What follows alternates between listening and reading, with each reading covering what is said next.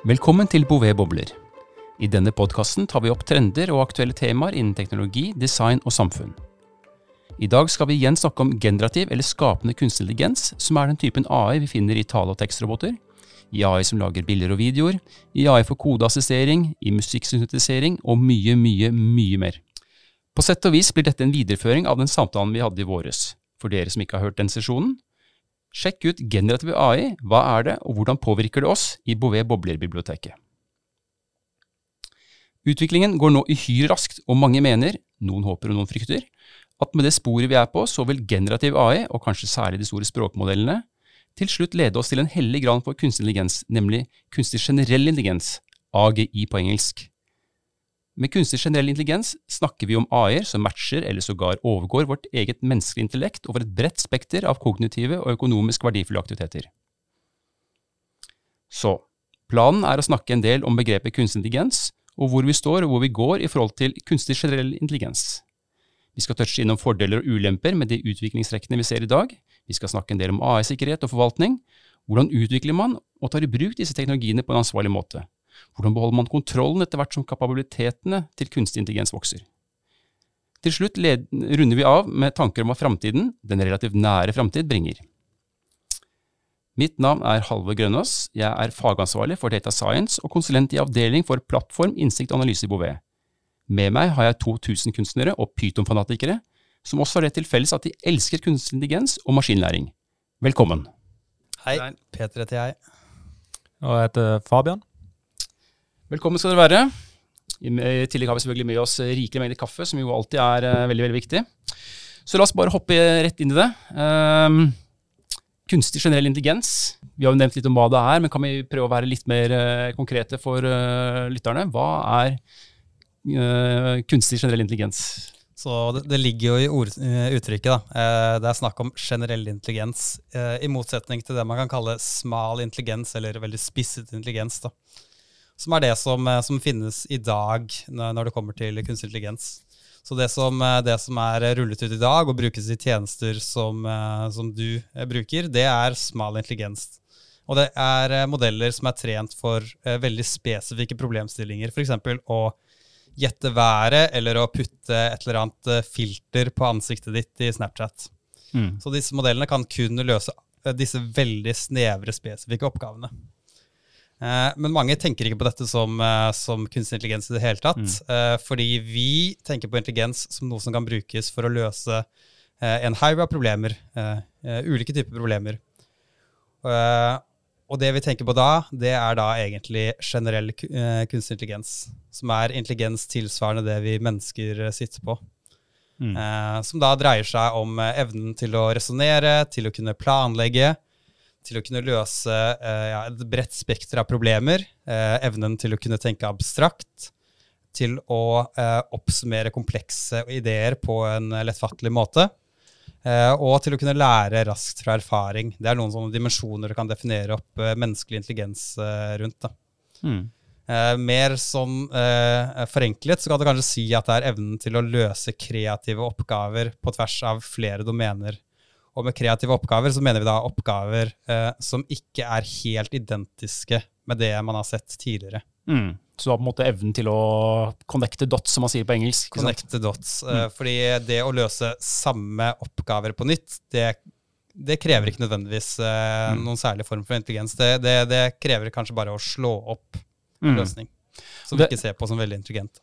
Det syns jeg er interessant du nevner akkurat det, fordi uh, dette er, mm, føler jeg kanskje er en litt sånn utbredt misoppfatning eh, rundt eh, disse teknologiene, at de egentlig kun kan på en måte gulpe opp ting de har hørt tidligere. Men faktum er at uh, man ser jo at de har liksom lært seg å se sammenhenger, mer enn på en måte å, å bare være en slags form for stokastisk papegøye. på samme måte som vi mennesker gjør, egentlig. Vi også er jo hva skal jeg si for noe, eh, et produkt av de tingene vi har erfart og opplevd og, og sanset. Og, men vi, vi, kan, det er ikke sånn at vi bare på en måte repeterer ting vi har erfart. Vi, vi, kan også på en måte hva skal jeg si for noe, interpolere. da, altså eh, Knytte sammen punktene, dra linjer mellom dem og finne noe som ligger midt imellom.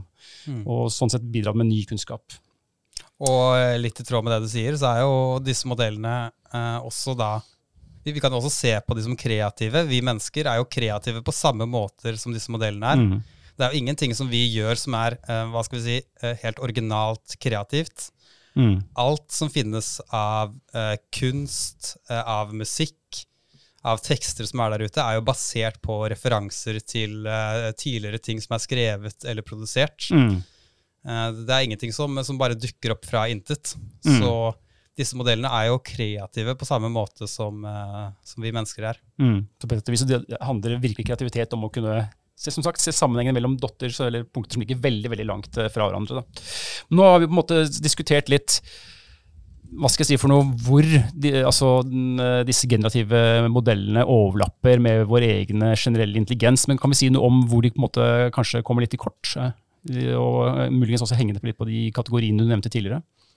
Så der de kommer til kort, det er områder som f.eks. det å planlegge. Eh, og med det å Mm. planlegge så tenker vi på problemstillinger hvor man er nødt til å starte med slutten. Starte med der man ønsker å ende opp, Mm. og så nøste seg bakover. Mm. Um, eh, for eksempel så er det en del matematiske problemer som er av den eh, typen. Mm. Ehm, det kan, kommer også godt til uttrykk når man ser eh, Eller det blir også ganske tydelig når man ser disse modellene eh, brukt for å generere f.eks. skript til en TV-serie som ble forsøkt eh, eh, Mm. på denne tegneserien South Park. Eh, man så at disse episodene hadde ikke noen eh, De beveget seg ikke i noen bestemt retning. De beveget seg ikke mot et bestemt mål. Mm. De hver, hver, hver ting som kom etter hverandre, ga mening, men det ledet ikke noe sted. Det, det var ikke sånn at dette skjer, derfor skjer dette, derfor Mm. skjer dette. Det var, det var mer dette skjedde, så skjedde dette, så skjedde dette, så skjedde dette. Så, så de beveget seg ikke eh, fram til et eller annet mål. Mm. Um, og det er jo eh, som en konsekvens av at disse modellene da ikke planlegger. De, de, sta, de, de starter ikke med slutten, og så nøster seg tilbake. Mm. Eh, det, er jo, det, er også, det er sånn de er trent. De er trent for å gjette neste ting i sekvensen. Og, og derfor eh, kommer de til kort eh, på Mm. planleggingsproblemer. Og teknisk sett så handler det også litt, kanskje litt om arkitekturen. ikke sant? At du på en måte, Dette er såkalte feed forward-nettverk. eh, slik at eh, egentlig all informasjon beveger seg forover. altså Du mangler også den biten som går på liksom refleksjon og, eh, og forstått også planlegging. At du liksom kan trekke deg tilbake. Du, har, du mangler sånn tilbakekoblingssignal. Mm. på en måte, altså Det blir jo kanskje en av de store utfordringene fremover å håndtere det. Så skal det jo sies at eh, man klarer å komme seg rundt noen av disse problemene hvis man faktisk eh, sparrer litt med modellene. Sånn, noen av disse matematiske problemene klarer ikke modellen nødvendigvis å løse ved første forsøk. Mm. Mens hvis du faktisk eksplisitt ber modellen om å reflektere over det svaret den har gitt, så klarer den å, å gi et uh, gi Mm. riktig svar til slutt da, Mm. på dette problemet. Så de, vi tenker da egentlig at de, og for så dette her er jo også noe som blitt diskutert i et paper av eh, Bobek og co., eh, som egentlig anbefaler alle lyttere som er litt sånn spesielt interesserte å, å finne fram, google og lese, for det er egentlig relativt enkelt å forstå, og eh, det er noen fine eh, YouTube-sesjoner også. eh, Som liksom handler litt om på en måte, hvor det er de glimtene da, av generell kunstig intelligens, eller kunstig generell intelligens, som man, man ser med disse nye teknologiene. Det er jo liksom litt der vi er nå. altså at De scorer ganske bra på noen kategorier, men ting som går på planlegging og refleksjon og sånn, der skorter det litt eh, fremdeles. Eh, men hvorfor er det egentlig vi forfølger dette målet? Altså, eh, Kunstig intelligens, hva er egentlig formålet annet enn at vi kan gjøre det? Vi gjør det fordi vi kan. Prometheus. Eh, Det er jo fordi intelligens er den tingen som har eh, gjort at eh, menneskeheten er eh, den rasen det er i dag. At vi er den dominerende rasen. Det er det som har drevet all utvikling, som, har, eh, som er årsaken til de vitenskapelige gjennombruddene som vi har hatt. Mm. Og dermed den produktiviteten vi ser som, som mennesker. Så vi setter, da, vi setter intelligens veldig høyt som, som menneskehet, fordi den har br- bringet oss dit vi er i dag. Da. Mm. Så det konkret så handler det jo om liksom e- enorme potensielle produktivitetsøkninger, ikke sant. Uh, altså, som du sier, egentlig intelligens har på en måte ligget bak uh, alle de store løsninger på de store egentlig, utfordringene man har i samfunnet. og Kanskje det er et slags uh, si, premiss for å kunne gjøre det grønne skiftet effektivt, håndtere eldrebølgen, klimaendringer osv. Og Derfor tenker vi da at mer intelligens er bra, enten det er snakk om mm. menneskelig, menneskelig intelligens eller uh, kunstig intelligens. Mm. Og så har det også vist seg at det å tilgjengeliggjøre intelligens på denne måten, eh, sånn tidlig forskning på dette, det, det tyder på at det kan være med på å utjevne forskjeller. Mm. Så spesielt de som ikke er spesielt intelligente fra før, de, de, kan få ekstra mye ut av at intelligens blir tilgjengeliggjort på denne måten. Mm. Si at du f.eks. ikke er veldig god på å eh, formulere tekster, som, som, jo er noe, noe mange sliter med. Um, da, da, kan det, denne type teknologi kanskje hjelpe deg med å få dine ideer ut eh, på mm. en eh, mer forståelig, bedre måte, og dermed jevne ut eh, eh, disse forskjellene. Mm.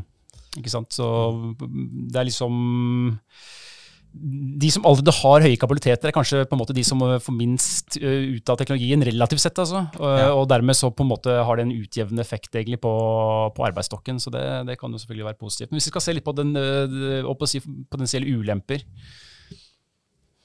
en, en, av de potensielle ulempene er jo rett og slett at det blir for mye automatisering. At, at 95% av samfunnet plutselig er automatisert, at det ikke, ikke lenger er jobb igjen eh, for oss å gjøre. det rett og mm. slett. Um, vi mennesker er jo veldig glad i å ha problemer å løse. og Hvis vi plutselig har modell eller da eh, en AI som kan, kan, løse de aller fleste problemer, så, så, har vi lenger ikke på en måte noe som, som tilfredsstiller oss og hva vi, vi, har lyst til å jobbe med. da. Mm. Um, som fort kan bli, bli litt kjedelig, da. Um, og Det kan jo også da bety at vi faktisk blir dårligere på å løse bestemte problemer. Som, uh, dette her er jo jeg si, en slags avansert kalkulator. Eh, og etter kalkulatoren så har vi jo vi mennesker blitt utrolig mye dårligere på hoderegning. Eh, så vi kan jo se Det kan, kan, jo hende at om noen år så er vi mennesker eh, veldig mye dårligere på å formulere eh, tekster uten disse hjelpemidlene. Eh, det kan også hende at det er en del problemstillinger som, som vi har latt disse modellene løse, som vi blir veldig mye dårligere på å løse selv. Um, så Eh, det er jo faktisk en reell fare, da, ved at, vi, ved at, vi, lar disse modellene gjøre en del av problemløsningen og arbeidet som vi i dag gjør selv. Vi får mm. mindre trening og blir derfor dårligere på å løse disse problemene. Mm. Så er det klart at Problemene blir kanskje mer komplekse òg, på samme måte som kalkulatoren var med på å løse et problem. Eh, og på en måte så vi har kanskje blitt dårligere til å løse hoderegningsproblemet, men vi har, mm. kan løse mer komplekse problemer. Mm. Uh, så kan disse modellene være med på å på en måte da videreføre og, og, gjøre at vi kan løse mer komplekse problemer. Bruke det som en kalkulator, rett og slett. da. Um, og, og, på en måte da bringe videre dette. Um, jeg, jeg, tror ingen vil si at det at kalkulatoren kom, var en negativ ting nå i ettertid. Nei. Uh, selv om det har gjort oss dårligere på hoderegning, så vil vel de aller fleste si at det at vi fikk kalkulatoren, var positivt for menneskeheten. Ja. ja. En ganske nødvendig betingelse for at vi er på det teknologinivået vi er i dag, kan man si. Mm. Uh, I tillegg til dette så er det jo egentlig også altså, Mye handler jo på en måte om hva skal man si for noe ondartet bruk av AI.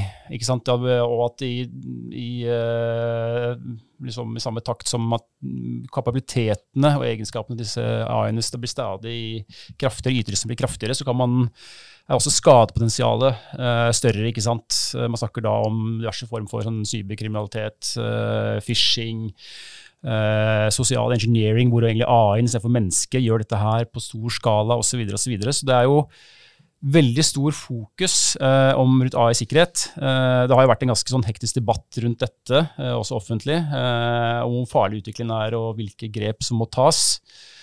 for det vil alltid finnes, finnes, folk, aktører, som ønsker å bruke dette her på ondsinnet vis.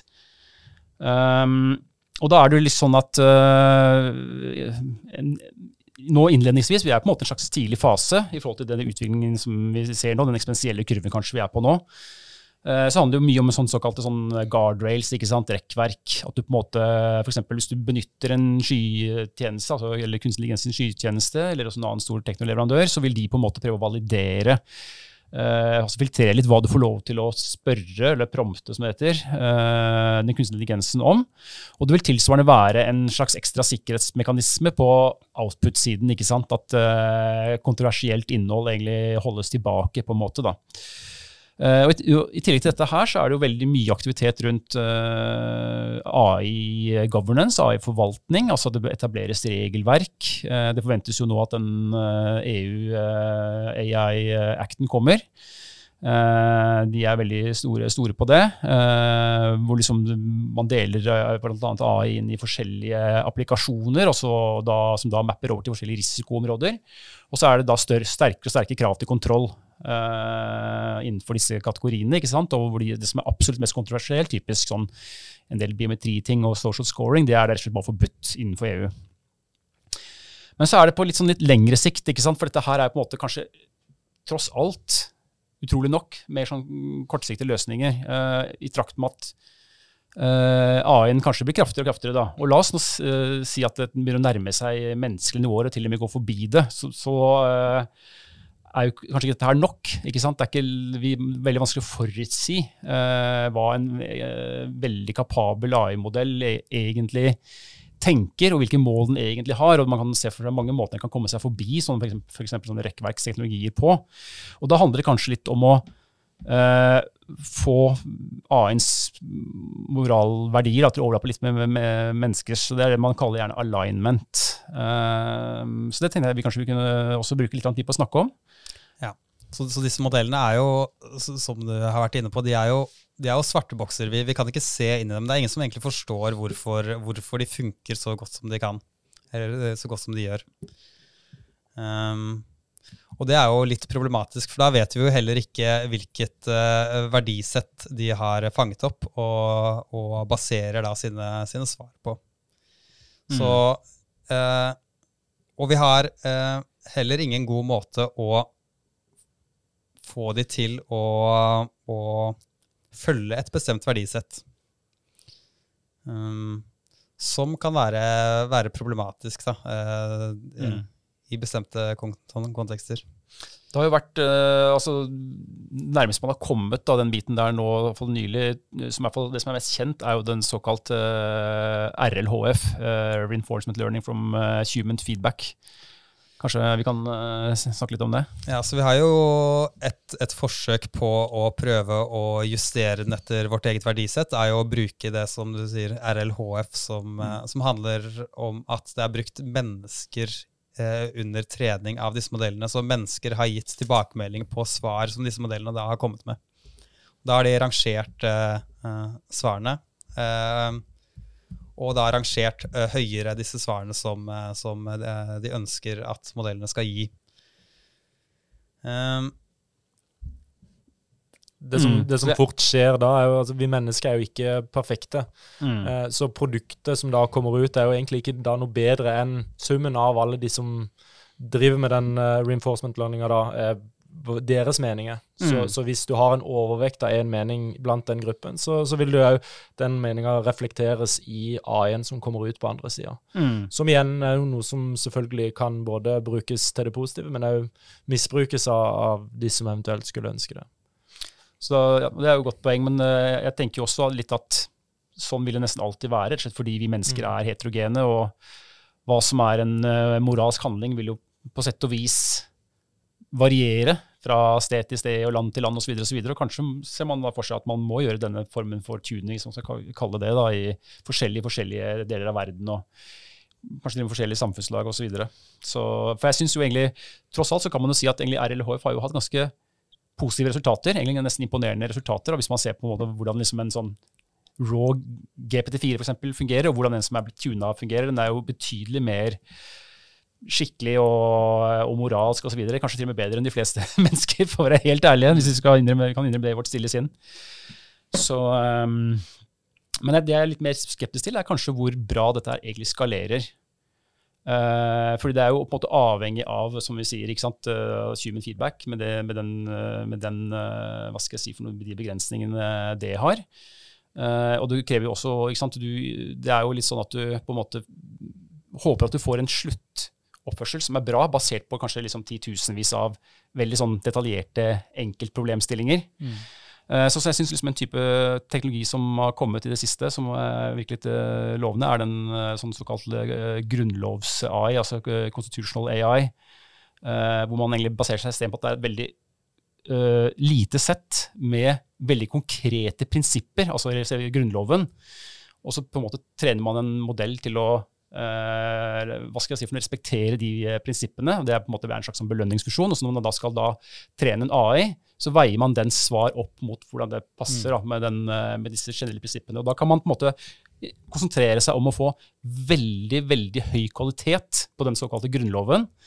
Uh, og så blir det på en måte også kanskje mer transparent hvor man egentlig har AI-en, ikke sant? siden det kan på en måte oppsummeres i løpet av mye, uh, altså i løpet av mye, mye kompakt form enn hvis du har på en måte 100 000 uh, enkeltproblemstillinger uh, av diverse typer som man får forskjellige mennesker som en AI har blitt trent på, som er tilfellet med RLHF. Så jeg syns det er litt, en litt sånn spennende tanke, og jeg syns også det er en sånn ting som kan skalere, ikke sant, fordi nok en gang etter hvert som AI-en blir mer og mer kapabel, så ser jeg for meg at det at et menneske kan trene den til å vise den hva som er eh, liksom riktig oppførsel, eller aligne den, blir mer og mer utfordrende, fordi vi er ikke kapable til å se hvordan den tenker langt langt fremover. Og Da må vi kanskje ha hjelp av andre AI-er eh, for å holde dem i tømmene. Altså det er det som kalles sånn skalerbar overoppsikt. Det tror jeg eh, kan, kan bli ganske essensielt fremover. da.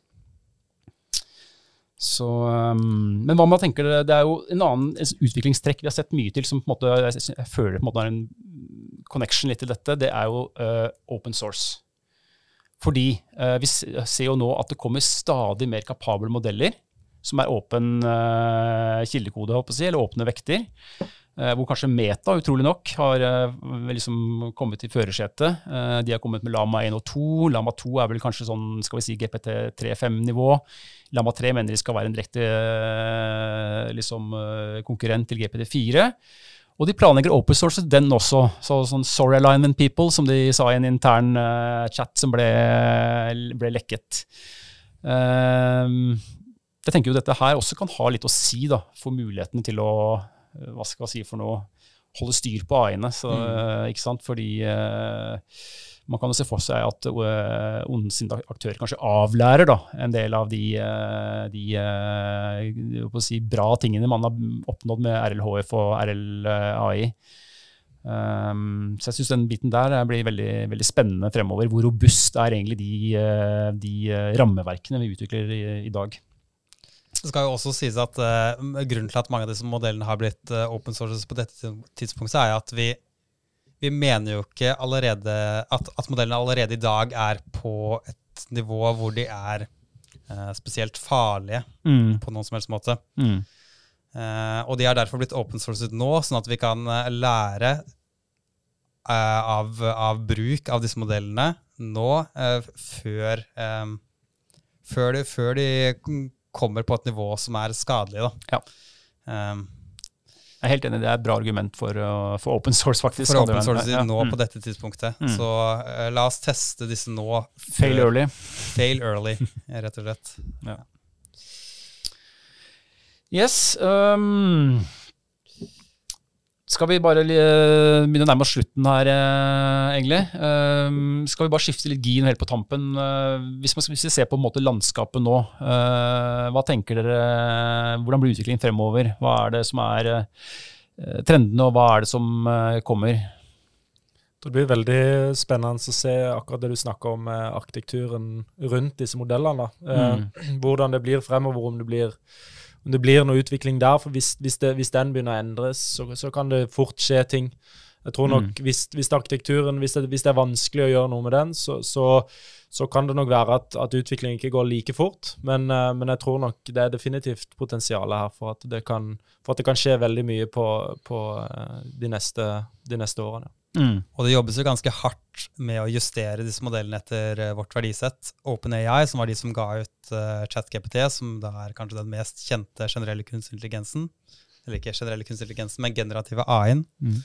Uh, de har jo sagt at de skal bruke 20% av sine ressurser på å løse, eller jobbe med i hvert fall dette alignment-problemet. Mm. Så det er en ganske, det er ganske en hard dedikasjon til, til dette problemet. Mm. Jeg så at Sam Altmann mente eh, AGI kanskje var innenfor uh, rekkevidde innen 2030-2032. Så får vi se. Det er en ganske stor usikkerhetsbånd, i hvert fall. Det er et annet selskap også, egentlig, med referanse jeg nevnte tidligere, Antropic, som for så vidt har fått en enorm sånn, verdifastsettelse. som på en måte kanskje, Det er starta tidligere OpenAI-folk. da. De prøver å holde seg enda mer nærme den opprinnelige ideen om å la gjøre Uh, altså kunstig intelligens trygt. Uh, og det er de som også kom opp med den hva skal jeg si for noe constitutional AI, grunnlovs AI, rammeverket som jeg nevnte tidligere. Det kan også være verdt å, å sjekke ut. Ellers så er det jo sånn at jeg føler jo at det er liksom i det store bildet at det blir stadig mer geopolitikk rundt dette, egentlig. Vi ser jo nå at uh, altså Det har jo kommet restriksjoner allerede på skippene, som jo er uh, egentlig, hva skal jeg si for noe, de er helt essensielle for å kunne trene de, disse modellene. Det, er, altså det er jo stormaktsspill, ikke sant? USA mot Kina. Um, og det snakkes jo også nå om å prøve å restriktere da, selve modellene, som høres, høres ut som en veldig farlig vei å gå, e, egentlig, i forhold til sånn internasjonalt samarbeid osv. Men det er iallfall det som diskuteres i USA, og de kommer også ut med sin egen AI Act, uh, som gjelder skyressurser. Um, så det er jo, der tror jeg det blir uh, altså AI er geopolitikk og sikkerhetspolitikk, og kommer nok til å prege internasjonal arena ganske mye framover, tenker jeg. Og det er jo fordi uh, disse modellene er generelle, og vi tror at de kommer til å bli, uh, bli som infrastruktur mm. uh, på en del områder. De til å, mm. Mange tjenester som kommer til å leveres i årene som kommer, kommer sannsynligvis til å være basert på generativ mm. AI på et eller annet vis. Ja, fordi man kan jo på en måte si at vi kanskje er på slutten av liksom fase én eller null, avhengig av hva man utvikler nå. Uh, hvor liksom på en måte fase 1 eller fase 0 da var OK, vi har disse fantastiske nye modellene, og du kan liksom gå og spørre dem om alt mulig. De er sånn, en slags form for orakler, eh, nesten. Men de er, liksom, de er en sånn standalone fremdeles. ikke sant? Du aksesserer dem via en API eller via en chattjeneste. Uh, at det liksom var den bøssen rundt det, da, om alle de selskapene som bygde liksom rappere rundt de API-ene, det var på en måte fase én, og at den er i ferd med å slutte nå. Det vil si fremover er mye mer AI integrert uh, inn i eksisterende tjenester, og at de blir, blir egentlig mer og mer usynlige faktisk også. Kanskje fader litt i mm. bakgrunnen, og kanskje den prosessen egentlig allerede har startet. Um, men det, det, tror jeg helt klart er liksom litt det neste steget. da, Og, og kanskje også et steg som dessverre uh, favoriserer litt uh, de, de, store tech-gigantene. Uh, rett og slett fordi ikke bare har de flere av innsatsfaktorene du trenger, altså uh, computen og dataene. ikke sant? Helt, selvfølgelig helt særegne ressurser der. Men de har også, eier også allerede en god del av de produktene og de, den infrastrukturen vi aldri er blitt så vant til, uh, og som vi liker å bruke. Og vi har også tillit til dem. Og jeg tror på en måte det for en helt ny startup å på en måte komme inn her og ok, nå skal du betro meg med dine tanker og dataene dine osv., kan bli en veldig veldig vanskelig hindring. da. Så det kan jo, eh, kan jo faktisk vise seg å være en veldig sånn konkurransevridende sak som blir spennende å følge, følge fremover. Det er jo interessant å se akkurat dette med tillit eh, til, altså fra, fra, oss. da, at vi, må må kunne stole på det, og hvem som skal ta ansvar for de avgjørelsene som blir tatt av NAI. Så det blir veldig interessant å se mm. hvordan, det, hvordan ja. det, blir løst. Og Da er vi tilbake på den forvaltningsbiten og reguleringen ja. og sånn igjen, ikke sant? som er jo et stort, stort, stort tema, selvfølgelig. Og, og som egentlig kanskje etter hvert uh, fortjener sin egen podkast om, om litt. Vi får se litt. Så um, Men hva tenker dere? Altså, hva er det som kan eventuelt bremse utviklingen, da? Det er kanskje litt det vi har vært inne på allerede, da. Um, altså, ikke sant, at hvis det blir stadig mer proteksjonisme rundt det, uh, at det blir liksom mindre åpen utvikling uh, Man ser kanskje litt trendene der allerede. Uh, egentlig basic at det blir geopolitikk, da, som vi jo snakket om. Så. Ja, det er mye, mye, rundt dette med det fysiske, da. ikke sant? At det plutselig blir bremsing i, i produksjonen av infrastrukturen rundt ja. det. da, eh, ja. Og at man blir egentlig mer redde for at andre skal misbruke det. så Derfor så låser man det ned og på en måte legger det inn under en, eh, en boks da, og, og begrenser bruken til kun eh, et gitt antall eh, personer som har tilgang til det, f.eks. Mm. Så Så det er klart. Hvis vi, ser på, måte, på, mot målet med å oppnå AGI, altså menneskelig eh, nivå intelligens, så kan det jo faktisk eh, Spørsmålet er kanskje litt hvordan dette skalerer, ikke sant? siden de beste modellene allerede nå har sett stort sett sum total av menneskelig digitalisert data, i hvert fall i symbolform, altså sånn mm. tekstform. Mm. Så hva er det liksom det neste? Hvor, hvor, er det mer å hente? Jeg så for øvrig en fyr som hadde altså det var en paper der noen som hadde jobbet med å utvikle sånne luktdatasett. Mm. Uh, så man prøver på en måte å få flere sånne moder inn der. da. Ja, eh, det er, man må jo stadig, jeg tror man må komme flere og flere nye eh, på en måte, hva skal jeg si for noe uttrykk og informasjonskilder. Og så blir det da selvfølgelig et veldig stort, kanskje tusentallsspørsmål til og med, er jo kanskje i hvor stor grad kan man bruke altså, informasjon lagd av annen AI til å trene nye AI-er. Eh, det og det har faktisk vist seg å funke ganske bra. Eh, Uh, og når det kommer til andre moder, så er det jo ikke tekst det eneste som eksisterer på internett. Det eksisterer uh, millioner av uh, ti, timer av et lyd. Uh, ja. Bilder, video. videoer. Video er 25, 25 bilder i sekundet, og ganske ja. mange sekunder med video på YouTube. Mm. Det, um, og det er jo litt også derfor at uh, parallelt med dette så blir det jo utviklet stadig bedre modeller for å detektere, eller ta lyd og konvertere dette til skriftlig tekst. Mm. For da kan den lyden eh, brukes for, uh, for, å videretrene disse modellene. Ja. Så blir det vel kanskje også en, eh, en, utvikling fremover også at det blir stadig mer multimodale modeller. ikke sant? Uh, at du liksom, Sånn som med GPT4 nå, i hvert fall de som har sånn plussabonnement, så får du muligheten til å interaktere med bilder og forklare bilder og spille fram og tilbake. I, mm. både, både sende, sende, inn bilder ja. og få ja og så, motta bilder. Så det vil jo bli med oss, Stemmer er jo åpenbart allerede mulig å benytte seg av, og kanskje det blir enda flere ting på sikt. Da. Uh, rent avslutningsvis, med dette bakteppet, hva tenker dere uh, om utviklingen? Dette, blir dette her bra?